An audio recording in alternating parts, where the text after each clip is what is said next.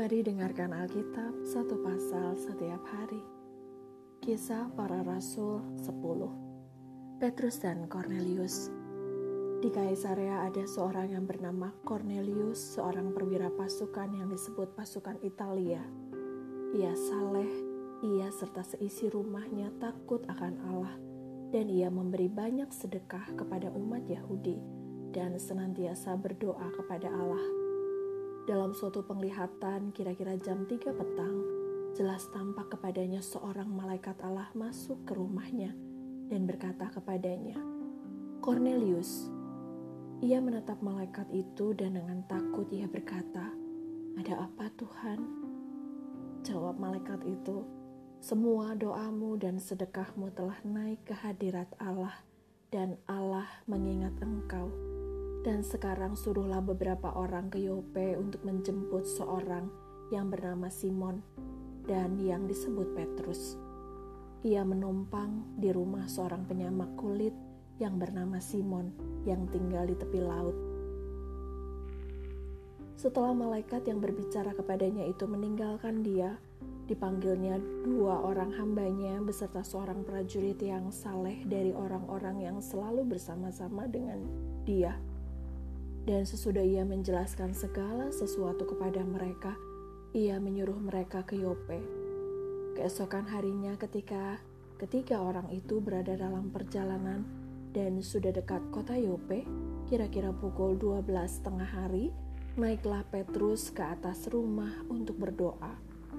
Ia merasa lapar dan ingin makan, tetapi sementara makanan disediakan, tiba-tiba rohnya diliputi kuasa ilahi tampak olehnya langit terbuka dan turunlah suatu benda berbentuk kain lebar yang bergantung pada keempat sudutnya yang diturunkan ke tanah. Di dalamnya terdapat pelbagai jenis binatang berkaki empat, binatang menjalar, dan burung. Kedengaranlah olehnya suatu suara yang berkata, Bangunlah hai Petrus, sembelihlah dan makanlah. Tetapi Petrus menjawab, tidak Tuhan, tidak, sebab aku belum pernah makan sesuatu yang haram dan yang tidak tahir. Kedengaran pula untuk kedua kalinya suara yang berkata kepadanya, "Apa yang dinyatakan halal oleh Allah, tidak boleh engkau nyatakan haram." Hal ini terjadi sampai tiga kali, dan segera sesudah itu terangkatlah benda itu ke langit. Petrus bertanya-tanya dalam hatinya, apa kiranya arti penglihatan yang telah dilihatnya itu? Sementara itu telah sampai di muka pintu orang-orang yang disuruh oleh Cornelius dan yang berusaha mengetahui di mana rumah Simon. Mereka memanggil seorang dan bertanya, apakah Simon yang disebut Petrus ada menumpang di rumah itu? Dan ketika Petrus sedang berpikir tentang penglihatan itu, berkatalah roh ada tiga orang mencari engkau. Bangunlah, turunlah ke bawah, dan berangkatlah bersama-sama dengan mereka. Jangan bimbang, sebab aku yang menyuruh mereka kemari. Lalu turunlah Petrus ke bawah dan berkata kepada orang-orang itu, Akulah yang kamu cari. Apakah maksud kedatanganmu?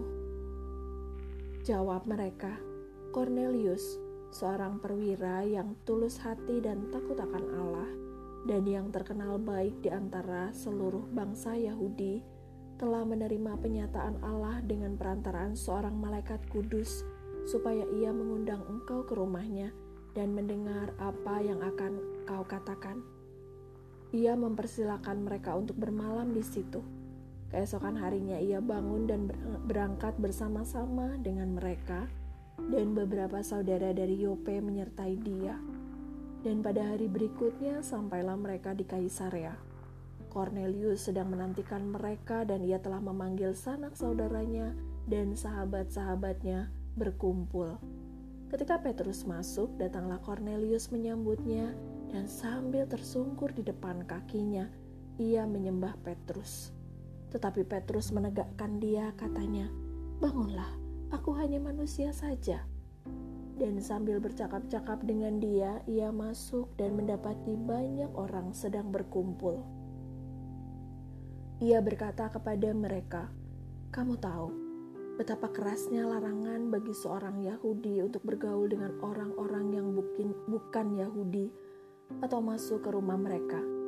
Tetapi Allah telah menunjukkan kepadaku bahwa aku tidak boleh menyebut orang najis atau tidak tahir. Itulah sebabnya aku tidak berkeberatan ketika aku dipanggil lalu datang kemari. Sekarang aku ingin tahu, apa sebabnya kamu memanggil aku? Jawab Cornelius, empat hari yang lalu, kira-kira pada waktu yang sama seperti ini, yaitu jam 3 petang, aku sedang berdoa di rumah. Tiba-tiba ada seorang berdiri di depanku, pakaiannya berkilau-kilauan, dan ia berkata, Cornelius, doamu telah didengar Allah, dan sedekahmu telah diingatkan di hadapannya. Suruhlah orang ke Yope untuk menjemput Simon yang disebut Petrus. Ia sedang menumpang di rumah Simon, seorang penyamak kulit yang tinggal di tepi laut. Karena itu segera kusuruh orang kepadamu, dan dengan senang hati engkau telah datang.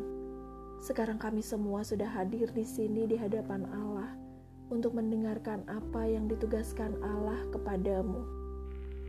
Lalu mulailah Petrus berbicara Katanya, "Sesungguhnya aku telah mengerti bahwa Allah tidak membedakan orang.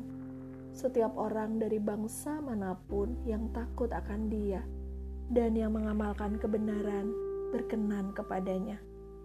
Itulah firman yang ia suruh sampaikan kepada orang-orang Israel, yaitu firman yang memberitakan damai sejahtera oleh Yesus Kristus, yang adalah Tuhan dari semua orang.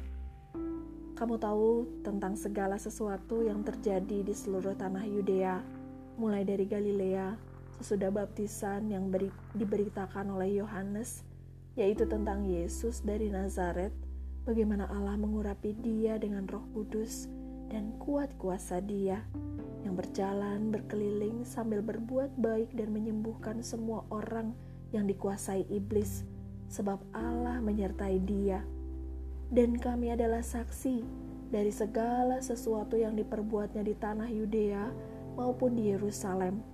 Dan mereka telah membunuh dia dan menggantung dia pada kayu salib. Yesus itu telah dibangkitkan Allah pada hari yang ketiga, dan Allah berkenan bahwa ia menampakkan diri bukan kepada seluruh bangsa, tetapi kepada saksi-saksi yang sebelumnya telah ditunjuk oleh Allah, yaitu kepada kami yang telah makan dan minum bersama-sama dengan dia setelah ia bangkit dari antara orang mati. Dan ia telah menugaskan kami memberitakan kepada seluruh bangsa dan bersaksi bahwa dialah yang ditentukan Allah menjadi hakim atas orang-orang hidup dan orang-orang mati. Tentang dialah semua nabi bersaksi bahwa barang siapa percaya kepadanya, ia akan mendapat pengampunan dosa oleh karena namanya. Ketika Petrus sedang berkata demikian, turunlah Roh Kudus ke atas semua orang yang mendengar pemberitaan itu. Dan semua orang percaya dari golongan bersunat yang menyertai Petrus tercengang-cengang karena melihat bahwa karunia Roh Kudus dicurahkan ke atas bangsa-bangsa lain juga. Sebab mereka mendengar orang-orang itu berkata-kata dalam bahasa roh dan memuliakan Allah. Lalu kata Petrus, Bolehkah orang mencegah untuk membaptis orang-orang ini dengan air, sedangkan mereka telah menerima Roh Kudus sama seperti kita? Lalu ia menyuruh mereka dibaptis dalam nama Yesus Kristus. Kemudian mereka meminta Petrus supaya ia tinggal beberapa hari lagi bersama-sama dengan mereka. Terima kasih sudah mendengarkan. Tuhan Yesus memberkati.